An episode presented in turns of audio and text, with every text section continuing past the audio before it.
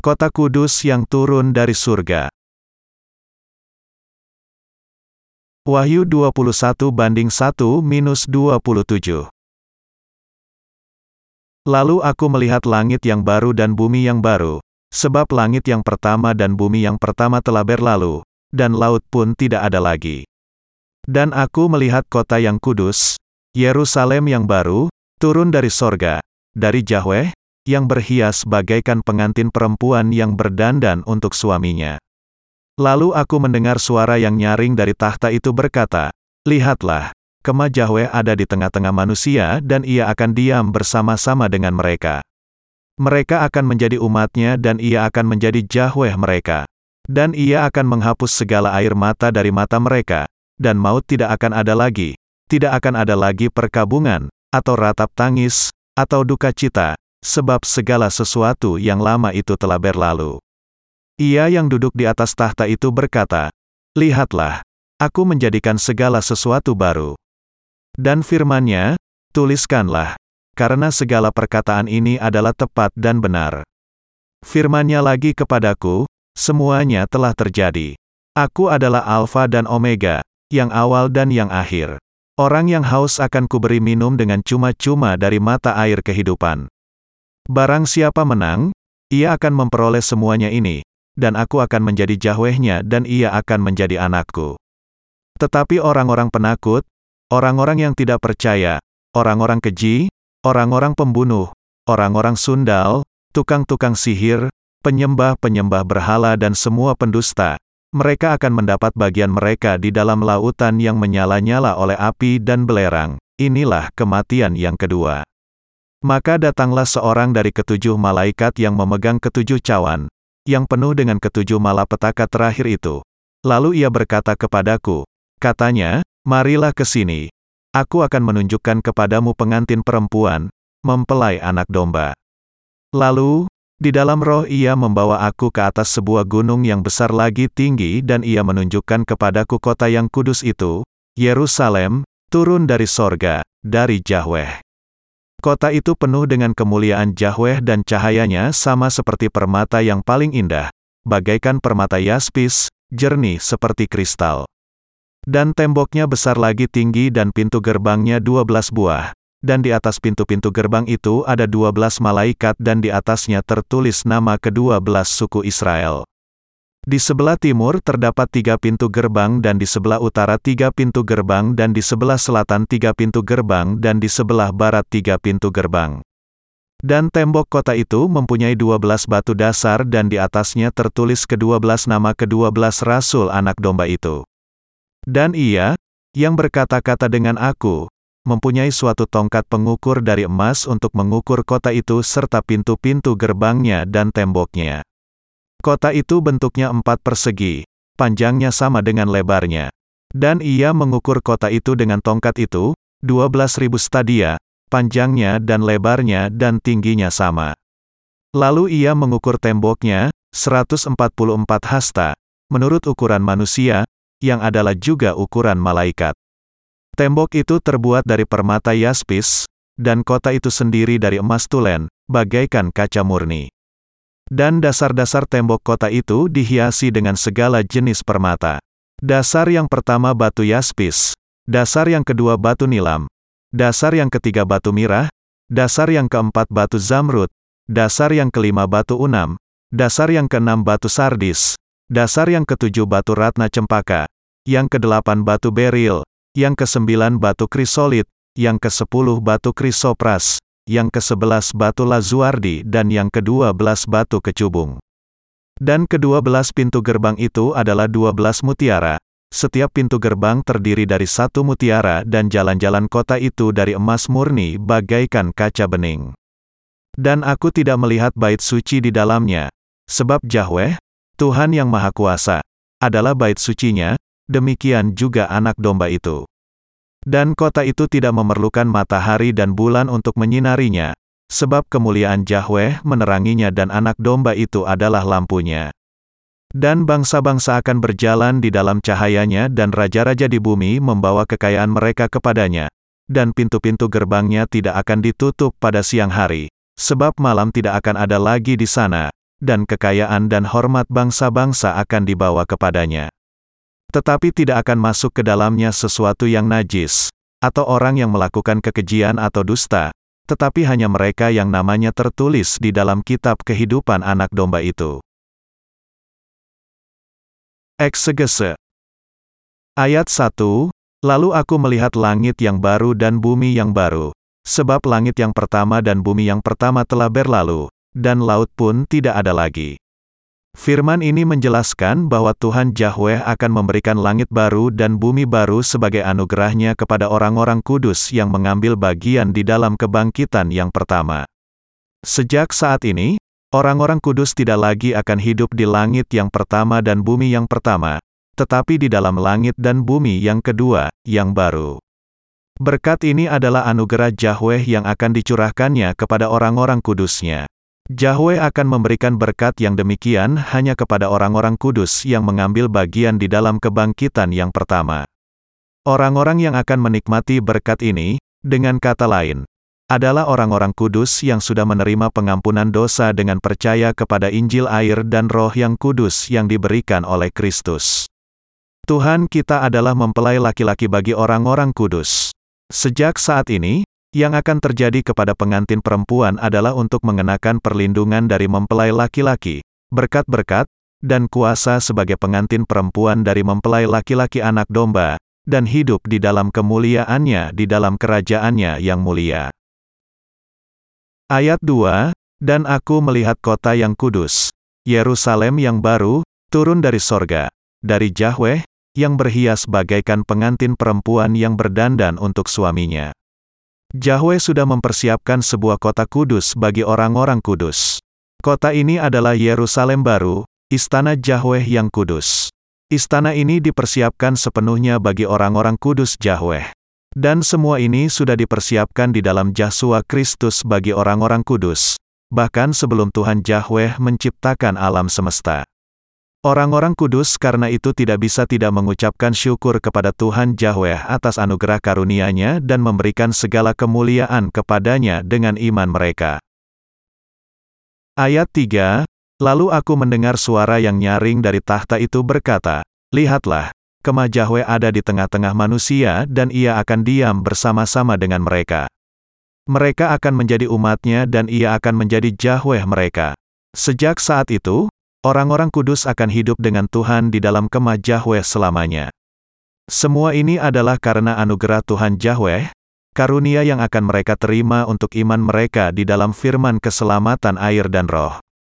Semua orang yang mengenakan berkat masuk ke dalam kemah Yahweh dan hidup dengannya kemudian akan memberikan syukur dan kemuliaan kepada Tuhan Yahweh untuk selamanya.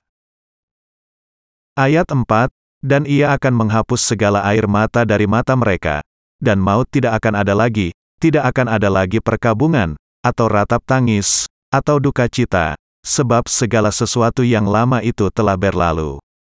Sekarang karena Yahweh sudah berdiam dengan orang-orang kudus, tidak akan ada lagi air mata atau kesedihan, ataupun ratapan karena kehilangan orang-orang yang dikasihi, ataupun menangis di dalam duka cita.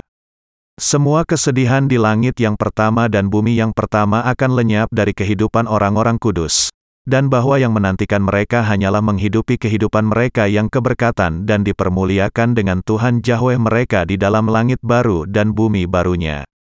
Tuhan Yahweh kita, sesudah menjadi Yahweh orang-orang kudus sendiri, akan membuat segala sesuatu dan semua lingkungan menjadi baru, sehingga tidak akan pernah ada lagi air mata atau kesedihan, atau tangisan, atau kematian, atau ratapan, atau kesakitan, atau hal-hal lain yang sudah menyiksa mereka di bumi yang pertama. Ayat 5, Ia yang duduk di atas tahta itu berkata, Lihatlah, aku menjadikan segala sesuatu baru. Dan firmannya, tuliskanlah, karena segala perkataan ini adalah tepat dan benar. Tuhan kita sekarang akan membuat segala sesuatu menjadi baru, dan menciptakan suatu langit baru dan bumi baru. Dengan membuat ciptaannya di langit yang pertama dan bumi yang pertama itu lenyap, ia akan menciptakan langit dan bumi yang kedua, yang baru. Yang dikatakan ayat ini bukanlah bahwa Yahweh akan mendaur ulang dunia yang baru, tetapi ia akan sepenuhnya menciptakan alam semesta yang baru. Yahweh kemudian akan menciptakan langit baru dan bumi baru dan hidup dengan orang-orang kudus. Orang-orang kudus yang mengambil bagian di alam kebangkitan yang pertama akan mengambil bagian dalam berkat ini juga. Ini sesuatu yang bahkan tidak pernah terbayangkan oleh manusia dengan pikiran manusiawinya, tetapi inilah yang sudah dipersiapkan Yahweh bagi orang-orang kudusnya. Orang-orang kudus dan segala sesuatu kemudian akan memberikan semua kemuliaan, ucapan syukur, humat dan pujian kepada Yahweh untuk pekerjaan yang agung ini. Ayat 6, firmannya lagi kepadaku, semuanya telah terjadi. Aku adalah Alfa dan Omega, yang awal dan yang akhir. Orang yang haus akan kuberi minum dengan cuma-cuma dari mata air kehidupan. Tuhan Yahweh kita sudah merencanakan dan menggenapi semuanya ini, sejak awal sampai akhirnya. Semua yang Tuhan sudah lakukan, ia melakukan semuanya bagi dirinya dan orang-orang kudusnya. Orang-orang kudus sekarang disebut sebagai milik Kristus dan dijasikan umatnya. Mereka yang sudah menjadi orang-orang kudus Yahweh dengan percaya kepada Injil air dan roh sekarang menyadari bahwa meskipun mereka memberikan ucapan syukur dan pujian kepada Yahweh selamanya, mereka tetap tidak akan bisa mengucapkan pengucapan syukur yang cukup untuk kasih dan pekerjaan Tuhan Yahweh. Kuberi minum dengan cuma-cuma dari mata air kehidupan. Di dalam langit baru dan bumi baru, Tuhan kita sudah memberikan mata air kehidupan bagi orang-orang kudus. Inilah anugerah terbesar dari semua yang sudah dicurahkannya kepada orang-orang kudusnya. Sekarang orang-orang kudus akan hidup selamanya di dalam langit baru dan bumi baru dan minum dari mata air kehidupan, yang dengannya mereka tidak akan pernah merasa haus lagi untuk selamanya. Orang-orang kudus sekarang menjadi, dengan kata lain, anak-anak Yahweh yang akan memiliki kehidupan kekal, sama seperti Tuhan Yahweh, dan hidup di dalam kemuliaannya. Saya memberikan ucapan syukur dan kemuliaan kepada Tuhan Yahweh kita sekali lagi yang memberikan kepada kita berkat-berkat yang besar ini. Haleluya! Ayat 7, Barang siapa menang, ia akan memperoleh semuanya ini, dan aku akan menjadi Yahwehnya dan ia akan menjadi anakku. Barang siapa menang, di sini menunjuk kepada mereka yang sudah mempertahankan iman yang diberikan oleh Tuhan. Iman ini memungkinkan orang-orang kudus untuk mengalahkan dunia dan musuh-musuh Yahweh.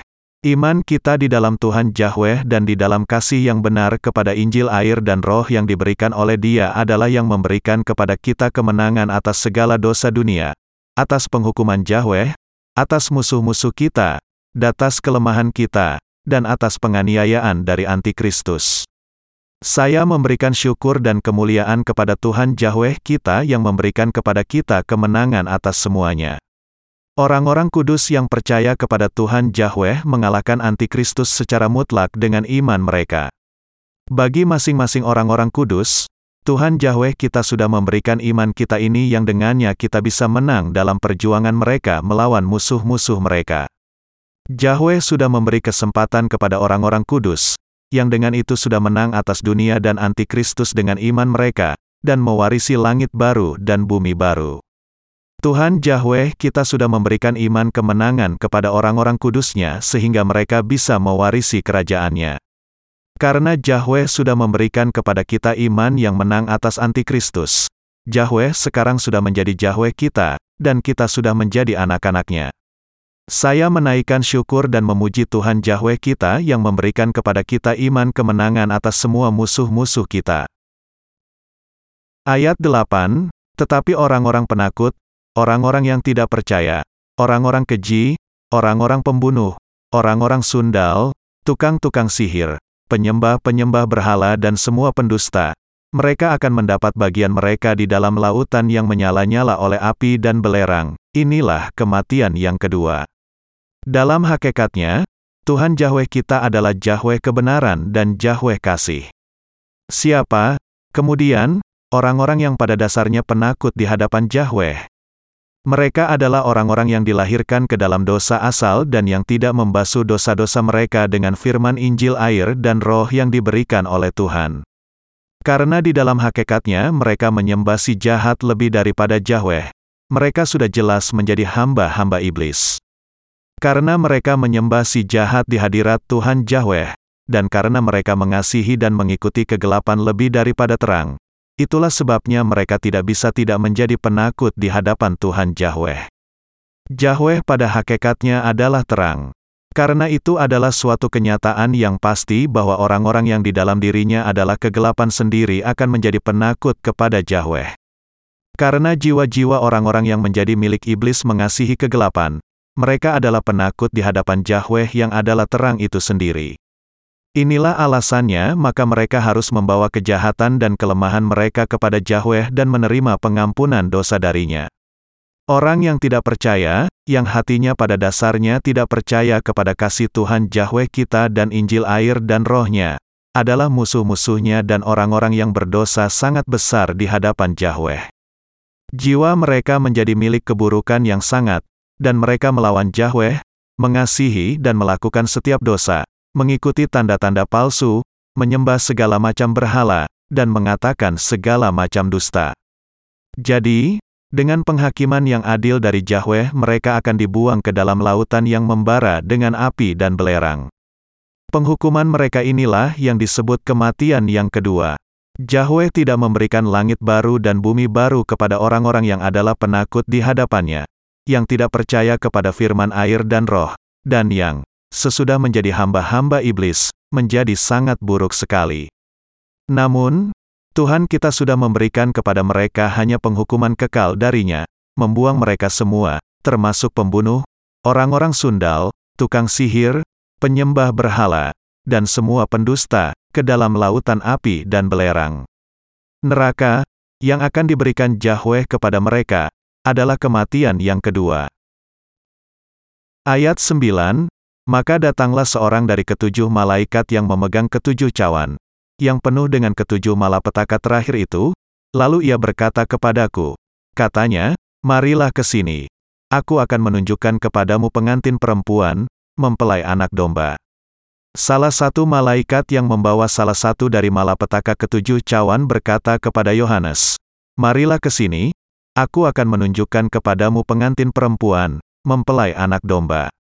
Di sini, Mempelai anak domba, menunjuk kepada mereka yang sudah menjadi pengantin perempuan Yesus Kristus dengan percaya di dalam hati mereka kepada Injil air dan roh yang diberikan olehnya. Ayat 10-11 Lalu, di dalam roh ia membawa aku ke atas sebuah gunung yang besar lagi tinggi dan ia menunjukkan kepadaku kota yang kudus itu, Yerusalem, turun dari sorga, dari Yahweh. Kota itu penuh dengan kemuliaan Yahweh dan cahayanya sama seperti permata yang paling indah, bagaikan permata yaspis, jernih seperti kristal kota yang kudus itu. Yerusalem, menunjuk kepada kota kudus di mana orang-orang kudus akan hidup bersama dengan mempelai laki-laki. Kota yang dilihat Yohanes memang indah dan luar biasa. Ukurannya sangat menakjubkan, dihiasi dengan batu-batu berharga di dalam dan di luar, bersih dan bercahaya. Melakukan dosa menunjukkan kepada Yohanes di mana pengantin perempuan Yesus Kristus akan hidup bersama dengan mempelai laki-laki. Kota kudus Yerusalem ini yang turun dari surga adalah karunia Yahweh yang akan ia berikan kepada pengantin perempuan anak domba.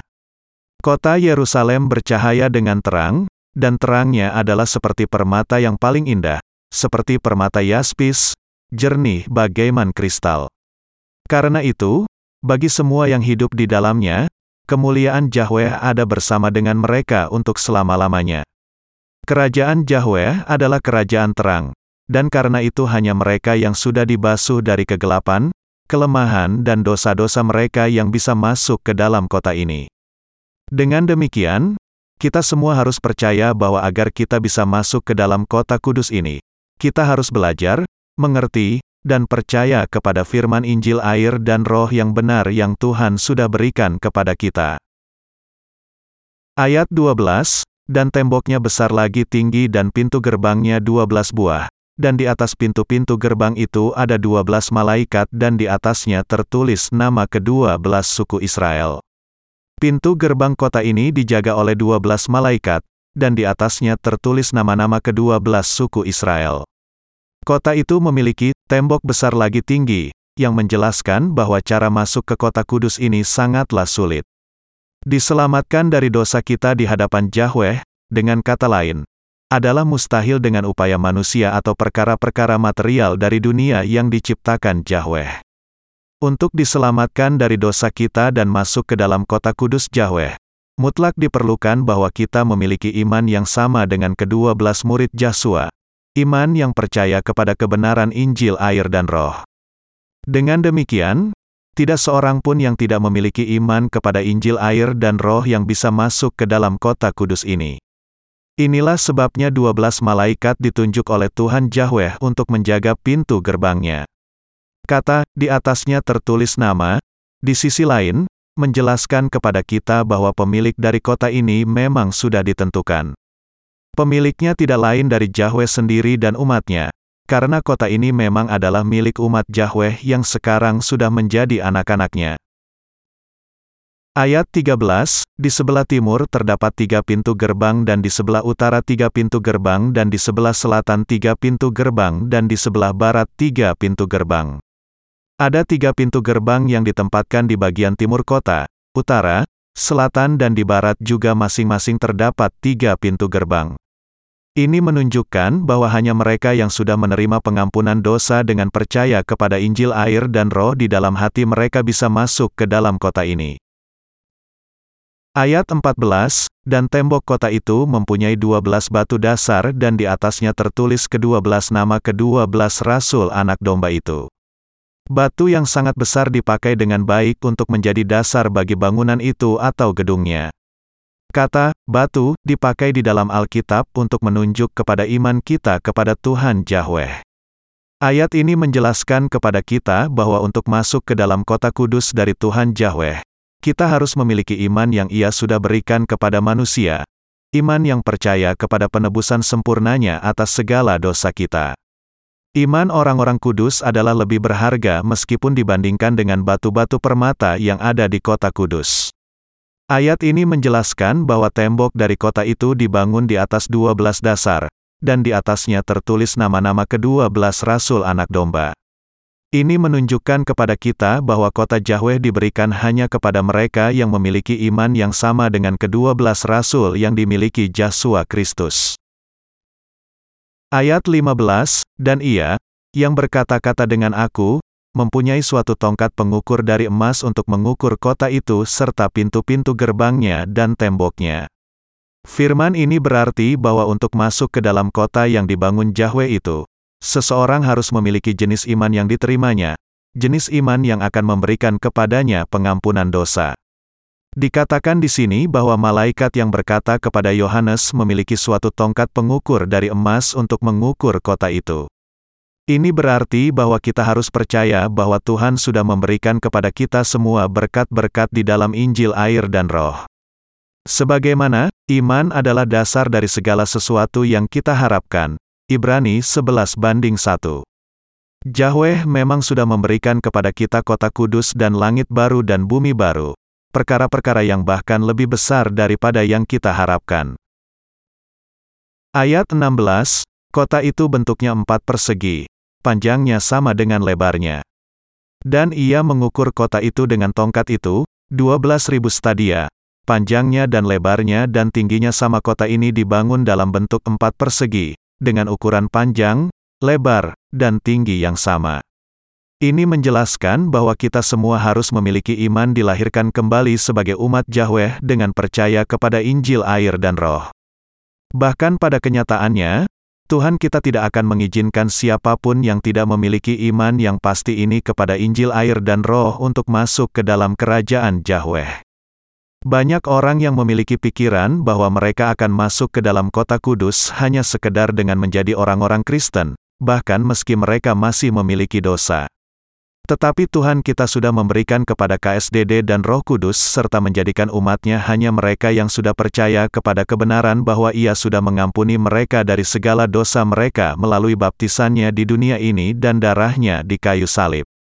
Inilah iman yang Tuhan tuntut dari kita. Ayat 17, lalu ia mengukur temboknya, 144 hasta, menurut ukuran manusia, yang adalah juga ukuran malaikat. Makna Alkitabiah dari angka 4 ini adalah penderitaan.